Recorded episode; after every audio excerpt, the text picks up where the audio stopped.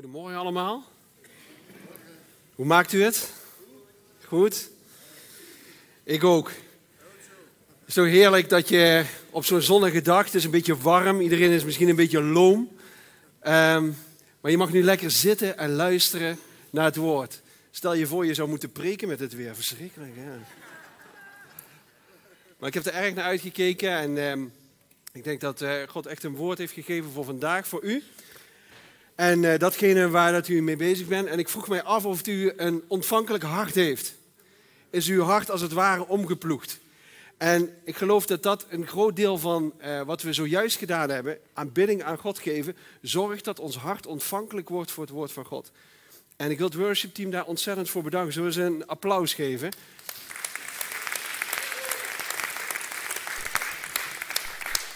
Want zij moeten vaak voor dag en dauw al uh, in de weer, vaak hun kinderen uh, mee. Uh, die moeten dan mee, die hebben dan weinig keuze. Maar jongens, ik ben jullie ontzettend, ontzettend dankbaar. Want het, het richt mijn hart ook weer. En zo goed om op die manier naar Gods woord te luisteren. Twee weken geleden was ik ook hier. Misschien heeft u me gespot. Ik zat boven op het balkon. wat Toto was hier. En ik volg hen al een paar jaar. Maar wat een feest. Weet je wel, als ik, als ik daar wegga, dan ga ik gewoon met Weet je wat, dan is mijn geloofsleven gewoon in één keer daar. En als ik hun verhalen hoor over hoe dat ze achter zijn gelaten, dat niemand naar hen omkeek, maar dat er iemand was die in Jezus geloofde en naar hen omkeek en zich ontfermde over hen.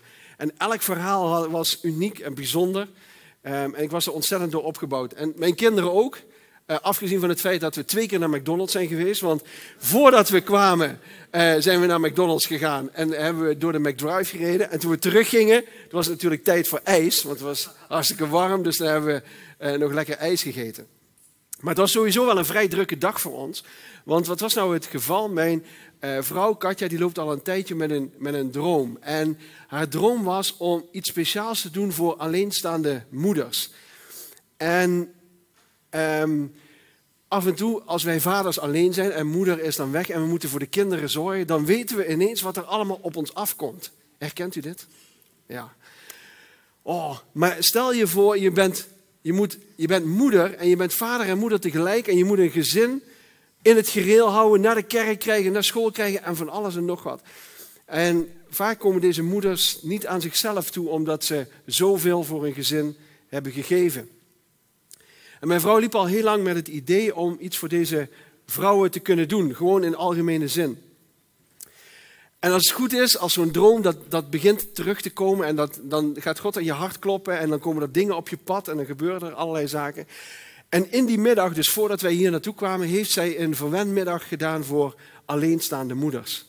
En het was heel erg spannend, het was, was de eerste keer dat ze dat ging doen. En ze wist natuurlijk ook niet hoeveel mensen dat erop afkwamen. En de week van tevoren hadden we nog maar zoveel aanmeldingen. Drie. Nou, daar sta je dan met je plan. En uh, het was allemaal heel erg spannend. En we hadden heel veel mensen uitgenodigd.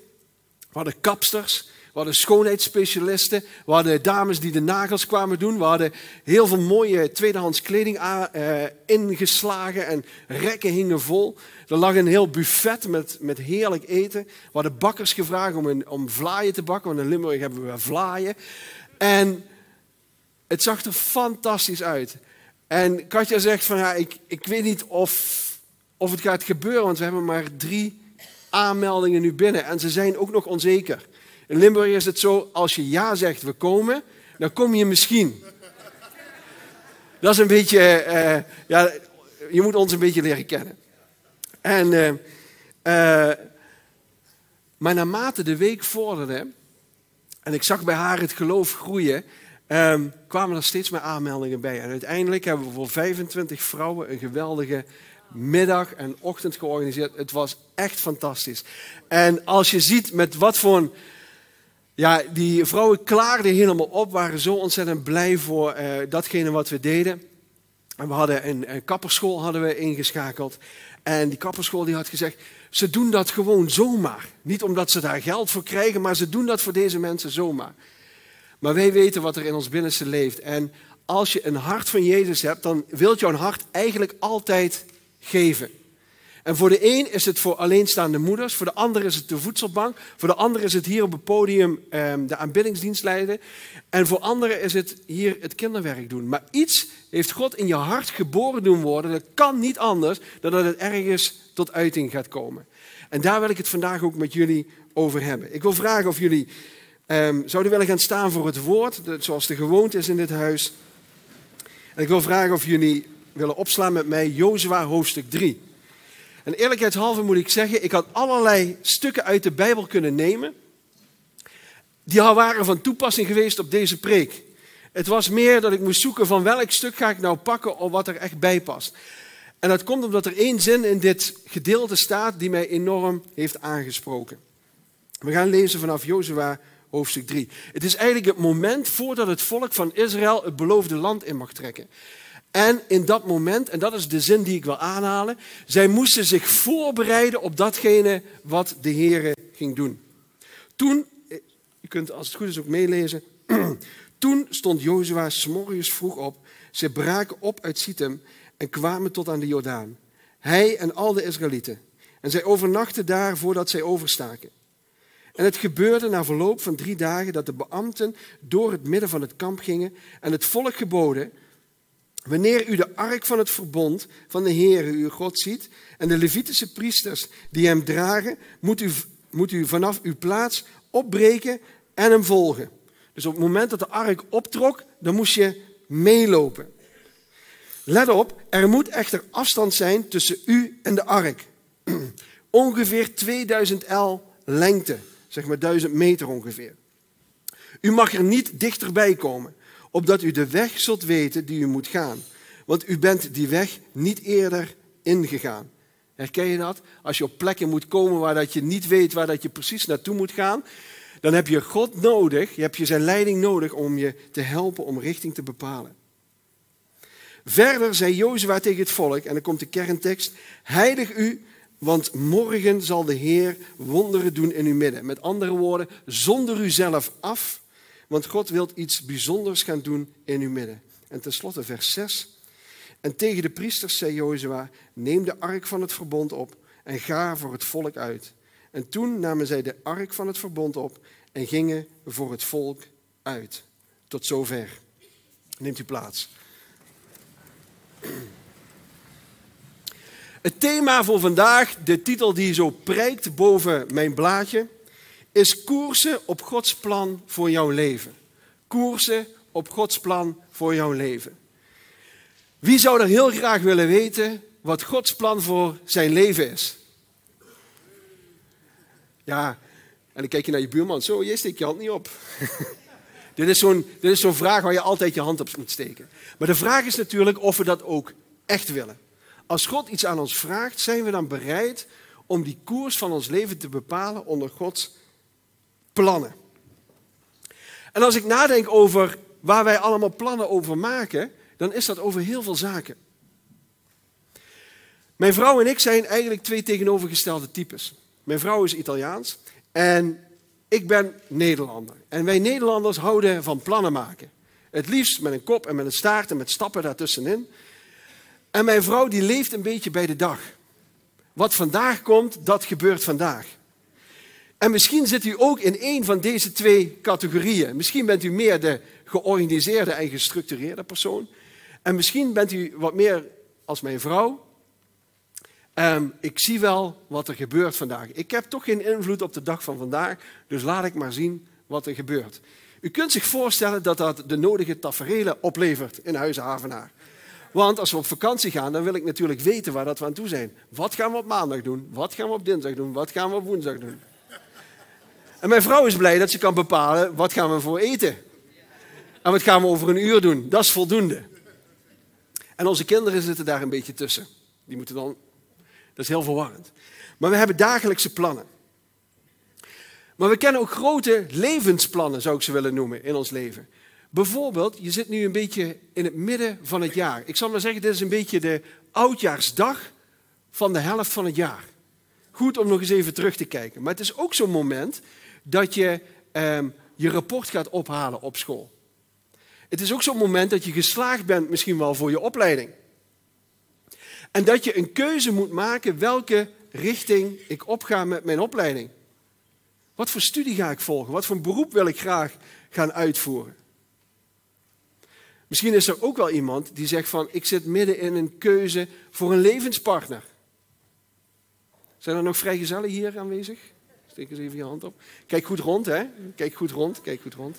Kijk goed rond, ja, ja, ja, ja. ja. Heb je ze gespot? Maar ook dat is een belangrijke levenskeuze. Wat voor carrièrepad je gaat maken, wat voor richting dat je opgaat, is een belangrijke levenskeuze. Daar maak je een plan voor. Daar heb je een idee van in je hoofd wat er gaat gebeuren. Sommige mensen die overwegen misschien om te verhuizen of om niet te verhuizen. Waar je gaat wonen is heel bepalend voor hoe dat je leven eruit gaat zien. Een andere grote keuze is, ik was gisteren bij een collega van mij en die ging met pensioen. En ik vroeg hem, wat ga je nu doen nu dat er een nieuwe levensfase in jouw leven aanbreekt? En zo heeft u allemaal bepaalde fases in uw leven waarin dat we keuzes moeten maken die, ik zal maar zeggen, levensrichtinggevend zijn. Herkenbaar of in Eindhoven leven jullie gewoon, dat kan ook natuurlijk. Maar is denk ik herkenbaar. Daarbij, en dat is het volgende plan, dus we hebben onze, ik zal maar zeggen, onze dagdagelijkse plannen, we hebben onze grote levensplannen waarin dat we grote levenskeuzes moeten maken. Maar we kennen ook het plan waar dat God jou voor geroepen heeft. En hoe kom ik daar nou precies achter? En wat is nou hetgene wat God in mijn leven zou willen doen of wat hij zichtbaar wil maken? Ja, goed, als je oudste bent of voorganger of jeugdleider, dan is het wel duidelijk. Maar stel je voor in je levensfase waar dat je bent, waar heeft God jou voor geroepen? En is het misschien ook wel zo dat God elke fase met jou doormaakt en dat hij misschien wel ook weer een andere roeping voor jou heeft? Kan het zo zijn dat je voor een bepaalde periode bedoeld bent om op een bepaalde manier te dienen, maar dat God misschien een nieuwe fase aanbreekt waarin dat hij iets nieuws wil doen? Vraagteken. Je ziet eigenlijk dat het plan van God zich als het ware in fases kan ontvouwen. Het is ook belangrijk om te weten wie dat er plannen maken. Ik ben van plannen maken, mijn vrouw niet, dat heb ik net al verteld. Maar wij maken als gezin ook plannen. Ik heb u vorig jaar verteld dat wij na de vakantie zijn begonnen met gezinsavonden. En dat was een plan voor ons gezin, dat hebben we samen afgesproken. Eén avond in de week, spelletjes, dan gaan we leuke dingen doen met elkaar. En dat is onverdeelde aandacht, telefoons uit, heel de Santa Macraam. En dat is een plan wat wij als gezin hadden. Dus wij, ik, wij maken plannen over ons leven. Het is ook belangrijk om te weten dat onze tegenstanders ook plannen maken. Er zijn ook tal van voorbeelden van in de Bijbel. Jeremia, daar werd een plan tegen gesmeten. Uh, Jeremia 18, vers 18, daar staat. Toen zeiden ze: Kom, laten we plannen tegen Jeremia bedenken. Het is namelijk zo dat er ook mensen zijn die tegen u kunnen zijn. Of Handelingen 5, vers 33. Ze hadden plannen gemaakt om hem te doden.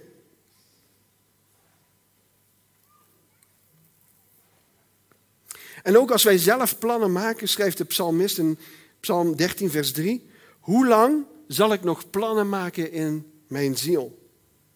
Of in Spreuken 19, in het hart van de mens, en dat is een hele mooie, die herken ik, in de hart van de mens zijn vele plannen, maar de raad van de Heere houdt stand. Maar wij kunnen plannen maken, onze tegenstanders kunnen plannen maken, de duivel heeft ook een plan. Hij heeft één grote opdracht en dat is het koninkrijk van God zoveel mogelijk en zo vaak mogelijk te verstoren. Je onzeker te brengen. Je als het ware van dat plan van God af te brengen. De Bijbel omschrijft de duivel ook wel als een briesende leeuw die rondgaat, kijkende wie hij kan verslinden.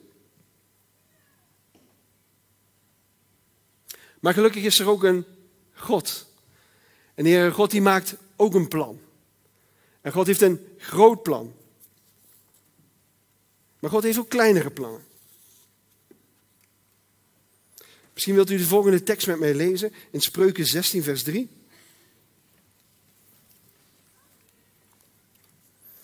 Er zit een belangrijke sleutel in deze tekst. Hoe dat je erachter kan komen op welke manier Gods plan voor jouw plan bedoeld is. Wat heeft God met, met jou, met u, met ons allemaal voor ogen? En er staat in Spreuken 16, vers 3. Wentel uw werk, of wentel uw werken. Een andere vertaling zegt wentel uw wegen op de Heer. En die plannen zullen bevestigd worden.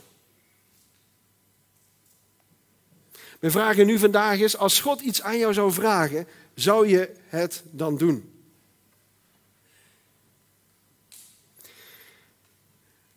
Het is heel erg belangrijk om te beseffen dat God ons een eigen wil heeft gegeven. Dat betekent dat als God een plan in ons leven heeft en een plan voor u bedoeld heeft, heb jij de keuze om daarin mee te gaan of daarvan af te zien.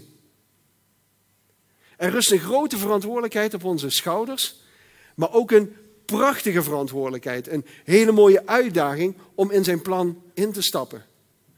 Begrijpt u het verschil? U heeft de mogelijkheid om nee te zeggen tegen de Heer. Dat is onze vrije wil. Maar u heeft ook de mogelijkheid om uw weg te wentelen op de Heer. En dan kan Hij uw plannen laten slagen. Of in ieder geval zijn plannen laten slagen. En God gaat als het ware stapsgewijs met ons daarin aan de slag. Hij wil ons als het ware langzamerhand dingen leren. Hij zegt in een andere in het evangelie, als je trouw bent over kleine dingen, kan ik je ook stellen over grote dingen. Dus op het moment dat je hebt laten zien dat je in kleine dingen getrouw bent, dan kan God je ook over grote dingen stellen. Andersom werkt het natuurlijk ook. Als je in kleine dingen al onbetrouwbaar bent, hoe zou je dan in grote dingen betrouwbaar kunnen zijn?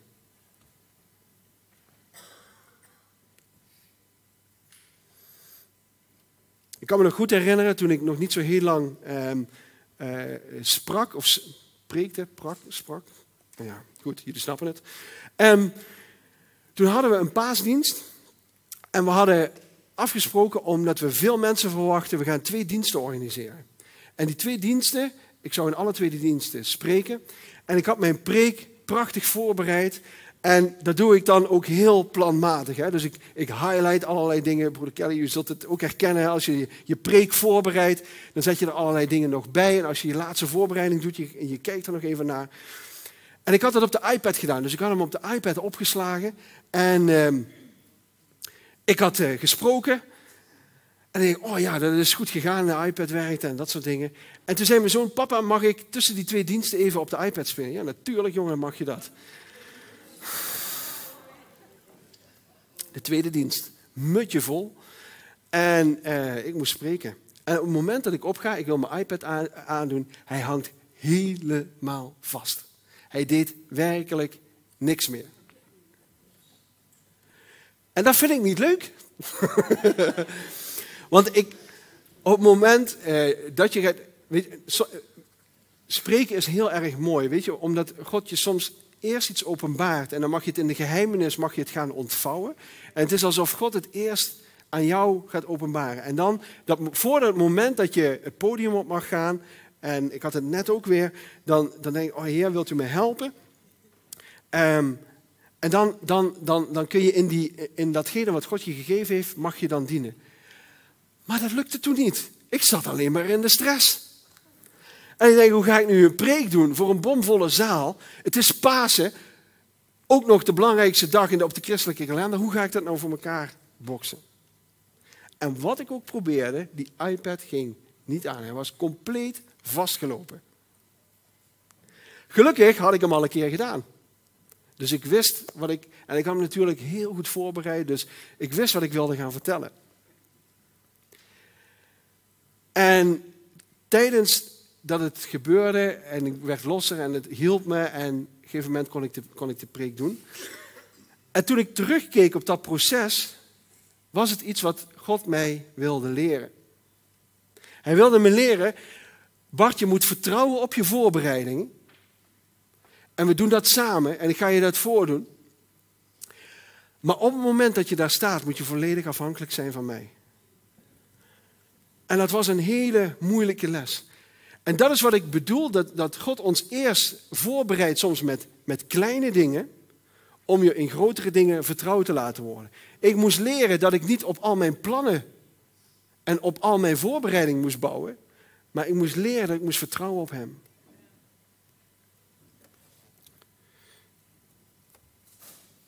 Ik vind het zo mooi als Gods plannen openbaar worden. Dan, ook mensen hebben er allerlei verklaringen voor, hè, als er mooie dingen gebeuren. En ehm, ik, ik, wil het proberen om een beetje aan, aan, aan, jullie duidelijk te maken. Ik heb misschien vorige keer ook verteld. Um, dat geloof van een kind zit soms heel eenvoudig in elkaar. Hè. Uh, onze Julia die bad voor sneeuw. Heer, wilt u zorgen dat het morgen sneeuwt? Dat deed ze niet gisteren, maar in de winter. En s'morgens lag er sneeuw. Ja, je kunt daar van alles van denken. Maar ik geloof dat Julia met een oprecht hart bad. En ik ben er nog steeds niet helemaal uit of God nou sneeuw gaf omdat zij ervoor bad, of dat hij gewoon sowieso sneeuw zou geven. Maar in haar geloof is het reëel en echt. En wij kijken vaak naar dingen die er gebeuren en dan, denken we, dan zijn we met verbazing. Ik hoorde een heel grappig verhaal. Er was een man en die ging met zijn hond wandelen. En hij kwam bij een, bij een groot meer en hij pakte een stok en hij gooide die stok over het meer heen en die landde in het water. En die hond die rent naar het water toe en die loopt over het water heen, pakt de stok, loopt terug en geeft hem terug aan zijn baas. En die baas denkt, wat gebeurt hier? Dat kan toch niet? Hij zegt, dat gaat me niet nog een keer gebeuren. Ik neem morgen neem ik mijn buurman mee. Hij is een buurman mee, samen wandelen. Hij pakt die stok weer, gooit die stok. Die hond die rent over het water heen, loopt er weer overheen, komt met die stok terug. En die man die vraagt aan zijn buurman, zag je iets vreemds aan mijn hond? Ja, jouw hond kan niet zwemmen.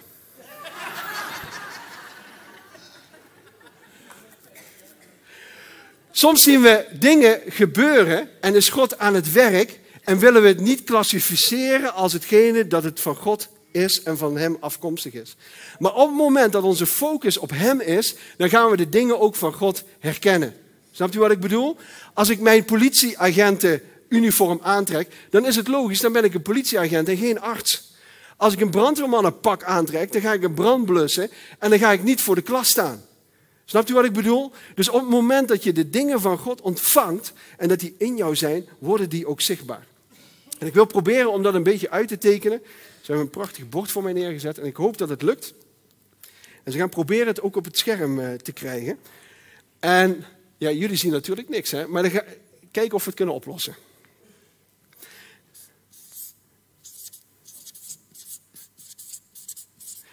We hebben, ik zal maar zeggen, ons dagelijks leven. Gewoon onze dagdagelijkse beslommeringen. De dingen die we meemaken, de mooie dingen, de minder mooie dingen. En dat zijn de dingen waar dat we misschien plannen over maken, maar soms ook geen plannen over maken. Het tweede wat er gebeurt, is dat we eigenlijk, ja, ik heb het genoemd, moet ik even gauw spieken. Dat zijn onze dagelijkse plannen. Dus wat ga ik vandaag doen? Wat ga ik morgen doen? Um, we gaan vandaag naar school toe, we gaan de dingen, uh, uh, ik ga naar mijn werk toe. En daar, ook daarin zijn we planmatig bezig. We denken na over de volgorde van onze dag. Hey, het is goed te zien, hè? Oh. Ja, even kijken of jullie aan het opletten waren.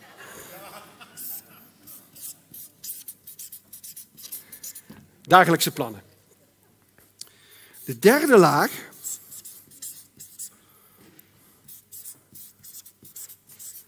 dat zal ik maar zeggen, dat zijn onze grote keuzes die we in ons leven maken. Denk aan pensioen, denk aan je opleiding, denk aan je carrière, waar je gaat wonen, welke kerk je gaat bezoeken. Allemaal grote keuzes die je in je leven maakt. En daarboven Gods plan.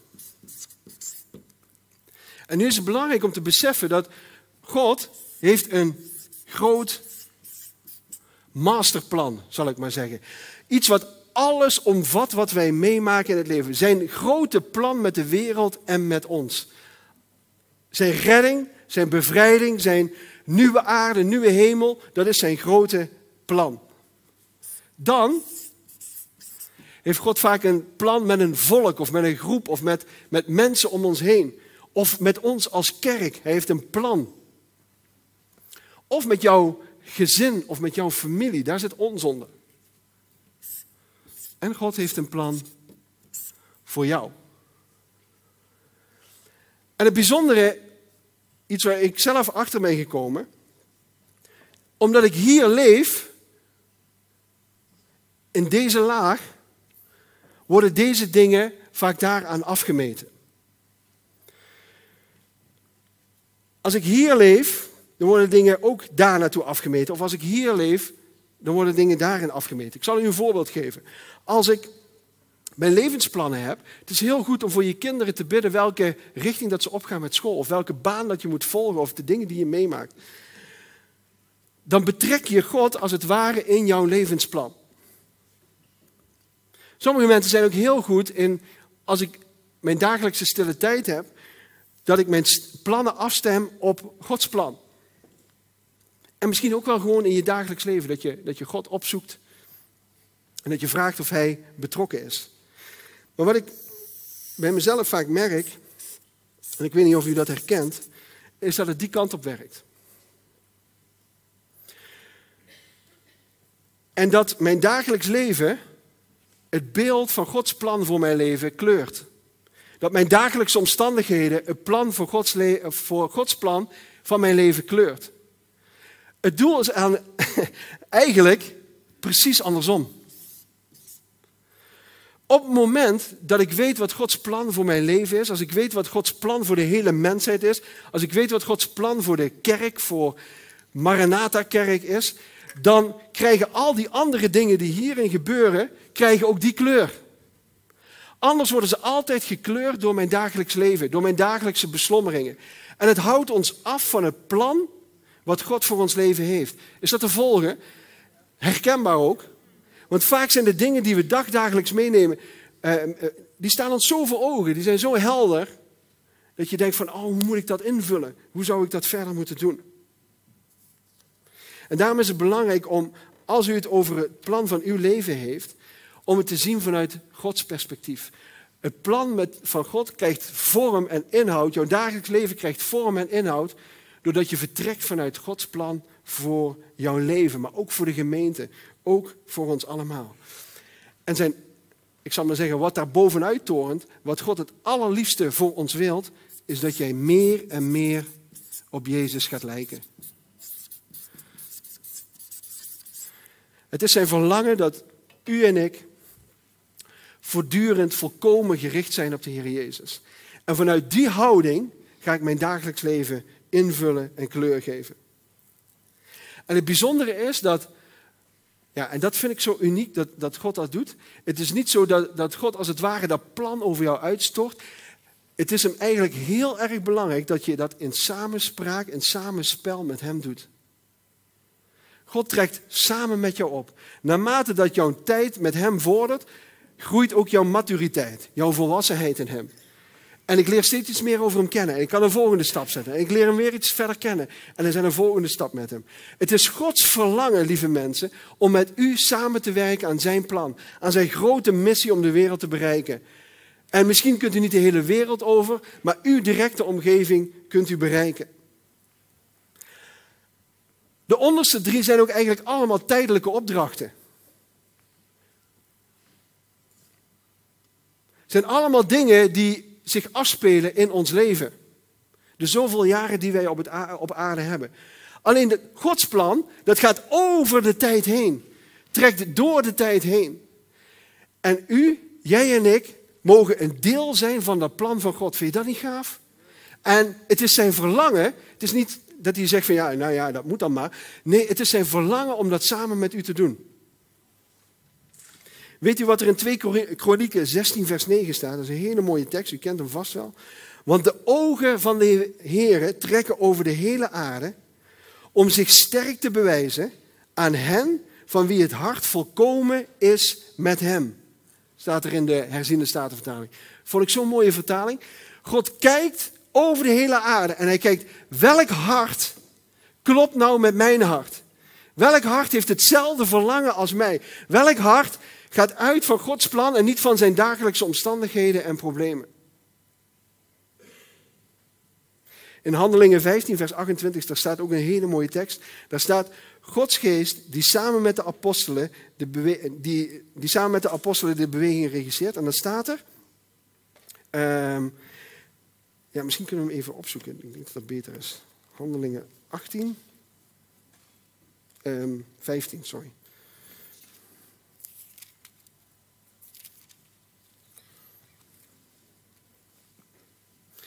Er moest, voor degene die, um, die dat weten, Handelingen 15 is een heel belangrijk hoofdstuk in de kerkelijke geschiedenis. Het, het, moest richting geven aan de kerk, moest de toekomst van de kerk bepalen. Aan welke wetten moesten ze nou wel voldoen en welke wetten moesten ze nou niet voldoen. De heidenen en hoe zou dat allemaal vorm en inhoud krijgen. En al die knappe koppen, al die discipelen, die waren daar bij elkaar. En dan wordt er in Handelingen 15, vers 28 wordt er gezegd. Want het heeft de Heilige Geest en ons goed gedacht u verder geen last op te leggen dan deze nadrukkelijke dingen. En dan komt er een op, opsomming. Maar wat ik zo mooi vind in deze tekst is dat er staat, want het heeft de Heilige Geest en ons goed gedacht om u verder geen andere dingen op te leggen. Ziet u, de Heilige Geest werkt samen met ons. En hij verwacht ook dat wij die houding hebben om samen te bewegen in het plan wat hij voor ons heeft. En Gods hart, of uh, Gods ogen, die gaan dan over de hele wereld en kijkt welk hart dat volledig naar hem uitgaat. Nou, en dat zie je in die geschiedenis van Jozua ook, in Jozua 3. Daar moeten ze zich van tevoren klaarmaken voor datgene wat God de volgende dag gaat doen. Jozua zei eigenlijk als leider, zorg dat je je afzondert, zorg dat je jezelf heiligt, je gezin, jezelf, zodat je voorbereid bent op datgene wat God wilt gaan doen. Het lijkt een beetje op het moment dat je wilt gaan vasten. Vasten is ook zo'n moment waarin dat je je als het ware terugtrekt, jezelf heiligt, apart zet en tijd met Hem wilt doorbrengen om Gods plan meer en meer zichtbaar te krijgen. En de vraag is natuurlijk, hoe kan ik daarop reageren? Hoe kunt u daarop reageren? In Spreuken 8, vers 32, daar staat, nu dan kinderen, luister naar mij. Welzalig zijn zij die mijn wegen in acht nemen. Dus met andere woorden, let goed op wie mijn wegen wilt volgen.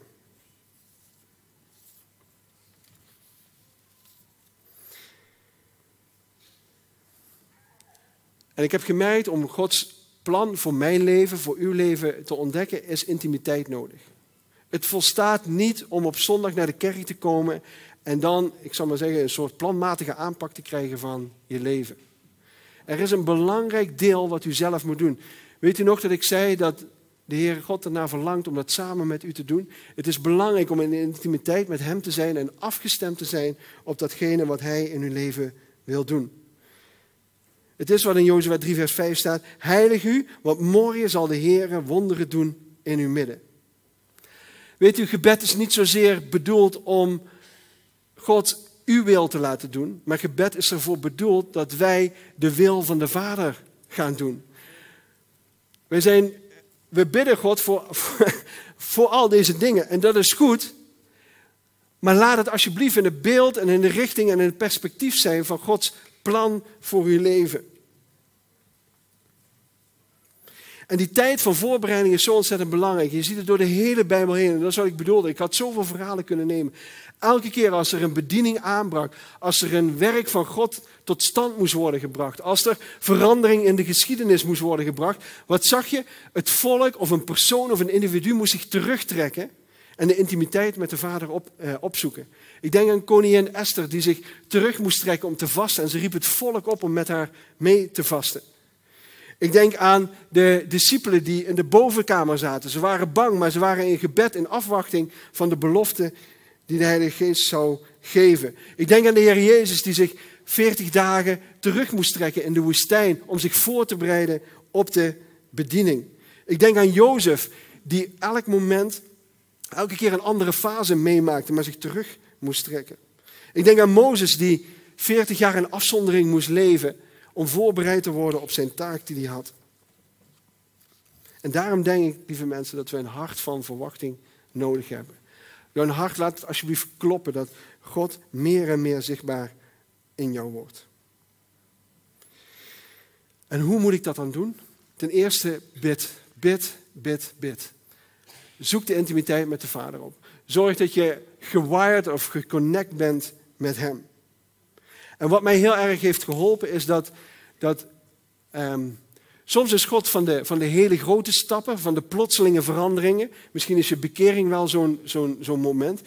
Maar ik heb heel vaak gezien dat uh, Gods plan voor jouw leven zich ontvouwt in, in fases. Er is elke keer een bepaalde fase dat je met God op mag trekken en dat hij iets in je mag doen en iets wil doen. En waar is dat voor bedoeld? Die, die specifieke bedoelde fase is voor een bepaald moment in de tijd om je voor te bereiden op de volgende fase. De lessen die ik hier moest leren zijn nodig om de volgende fase in te kunnen met hem. Ziet u hoe dat werkt? En eigenlijk, ja, we doen met onze kinderen niet anders. Je mag nu voor op de straat spelen. Nu tot aan het einde van de straat en dan tot aan de speeltuin en dan mag je het hele blok. God laat die maturiteit bij ons allemaal groeien. En laat me besluiten met u de volgende vraag mee te geven. Wat zou voor jou, wat zou voor u de volgende next step met God kunnen zijn? Wat is de volgende stap die u samen met Hem kunt zetten? Misschien heeft u uw leven nog nooit aan Jezus gegeven, heeft u het nog nooit aan Hem toevertrouwd. Dan zou dat de eerste, meest geweldige stap zijn. Want dan begint het plan van God voor jouw leven zich in werking te stellen.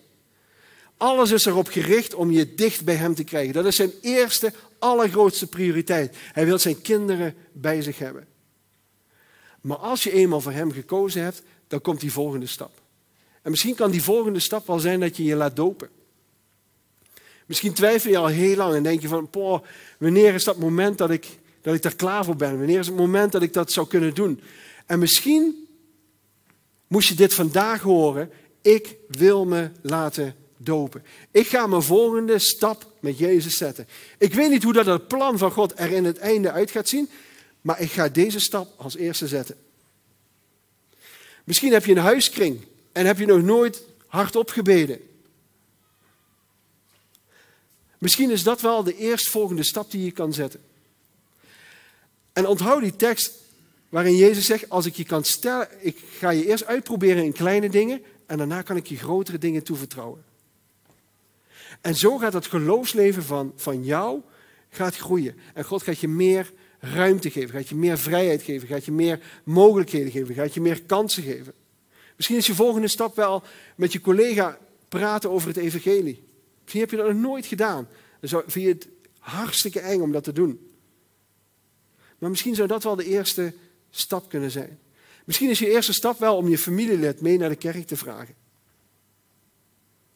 Misschien is je eerste stap wel een bijbelstudie geven. Misschien is je eerste stap wel meedraaien in het zonneschoolwerk. Snap je wat ik bedoel? Er is elke keer een volgende stap die je kunt zetten in je bediening. Je kunt nooit zeggen, zo, ik ben klaar.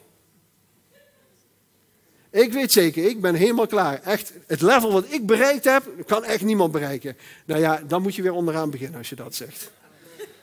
Ja? We hebben allemaal een volgende stap te zetten met onze geloofswandel met Jezus. En ik hoop en bid dat God zijn plan, wat hij voor u heeft, wat hij voor deze kerk heeft, wat hij voor deze omgeving heeft, tot uiting zal brengen. Maar hij heeft u daarvoor nodig en hij wil met u daarin samenwerken. Amen. Amen. Zullen we samen bidden? Mag ik u vragen om te gaan staan?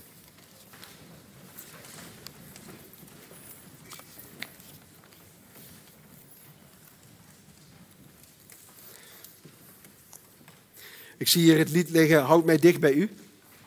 Dat is een beetje de kern van het betoog wat ik vandaag heb proberen te geven. Blijf dicht bij Jezus. Zo ga je beter zijn plannen begrijpen. Zo ga je beter het hele grote plaatje zien. En blijf je minder hangen in al die dagdagelijkse dingen die je van het plan van God af kunnen houden. En dat is het liefste wat de duivel wil. Dat je dat plan van hem maar niet tot uiting laat komen in jouw hele leven. Zullen we samen bidden? Hemelse Vader, Heer Jezus, dank u wel dat u een liefhebbende God bent. Heer, dat u een God bent die ehm, met ons samen wilt optrekken, Heer, om uw koninkrijk handen en voeten te geven. Vader, ik weet dat sommigen in onze omgeving, Heer, misschien nooit een Bijbel zullen zien, nooit zullen oppakken, nooit zullen lezen, nooit een psalm tot zich zullen nemen. Maar ze zullen ons wel lezen. Ze zullen ons wel zien. Ze zullen ons wel gadeslaan. En ik wil u daarom bidden, Heer, dat we in uw plannen en in uw richting mogen wandelen. Heer, niet vanuit een last of vanuit schuldbewustzijn, Heer, maar dat we. Heer, het is zo heerlijk om in uw wil te zijn. Het is zo heerlijk om met u op te trekken. Het is zo heerlijk om dicht bij u te zijn en met u op te trekken. Heer, en uw plan zichtbaar te zien worden. En ik, ik vind het heerlijk om met mijn neus vooraan te staan, Heer, als er dingen gebeuren die, die u in beweging brengt. En daarom wil ik dicht bij de dingen zijn die van u zijn. Heer, maar ik geloof ten diepste dat we dat allemaal willen, zoals we hier zitten. Heer, maar ik weet dat er soms obstakels zijn, dat er zonde in ons leven is, Heer, of dat er andere gedachten zijn, of dat er gewoon de dagdagelijkse beslommeringen zijn, of dat er misschien een groot probleem in ons leven speelt, wat ons afhoudt van het doel wat u voor ons leven heeft. Maar Heer God, dat neemt het plan van u niet weg, Heer. Heer, uw plan is ja en amen. Uw richting is altijd juist, correct en zuiver. Heer, en ik wil u bidden, Heer, dat Heer, ja, en ieder die hier staat, Heer, en dat verlangen heeft om u te dienen, u te volgen, u na te gaan. Heer, wilt u dicht bij hen zijn? Wilt u spreken in hun hart in hun stille tijd? Heer, in de auto, daar waar ze gaan en staan, in hun gezin, Vader. Heer, wilt u laten zien hoe groot en hoe machtig dat uw plan is. Heer, en hoezeer dat u hun nodig heeft om te participeren in dat plan. Dank u wel, Heer, van het model van maturiteit, Heer, dat we mogen groeien in u. Dat we mogen opstappen in u. Heer, dat we het niet allemaal in één keer hoeven te kunnen. Heer, dat we niet in alles in één keer hoeven te staan. Heer, maar dat we mogen groeien elke dag weer opnieuw. Heer, zodat we meer en meer gelijkvormig in Christus mogen zijn. Heer, en daarom wil ik in ieder die hier staat, Heer, zegenen en bedekken onder uw kostbare bloed, Heer. Dat, hun, dat uw plan zichtbaar wordt in hun leven. Hoe jong of hoe oud dat we ook zijn, welke fase van ons leven dat we ook verkeren, wilt u in ieder rijkelijk, rijkelijk zegenen. Dat bidden we samen, Heer, in Jezus' naam. Amen. Amen. God zegen allemaal.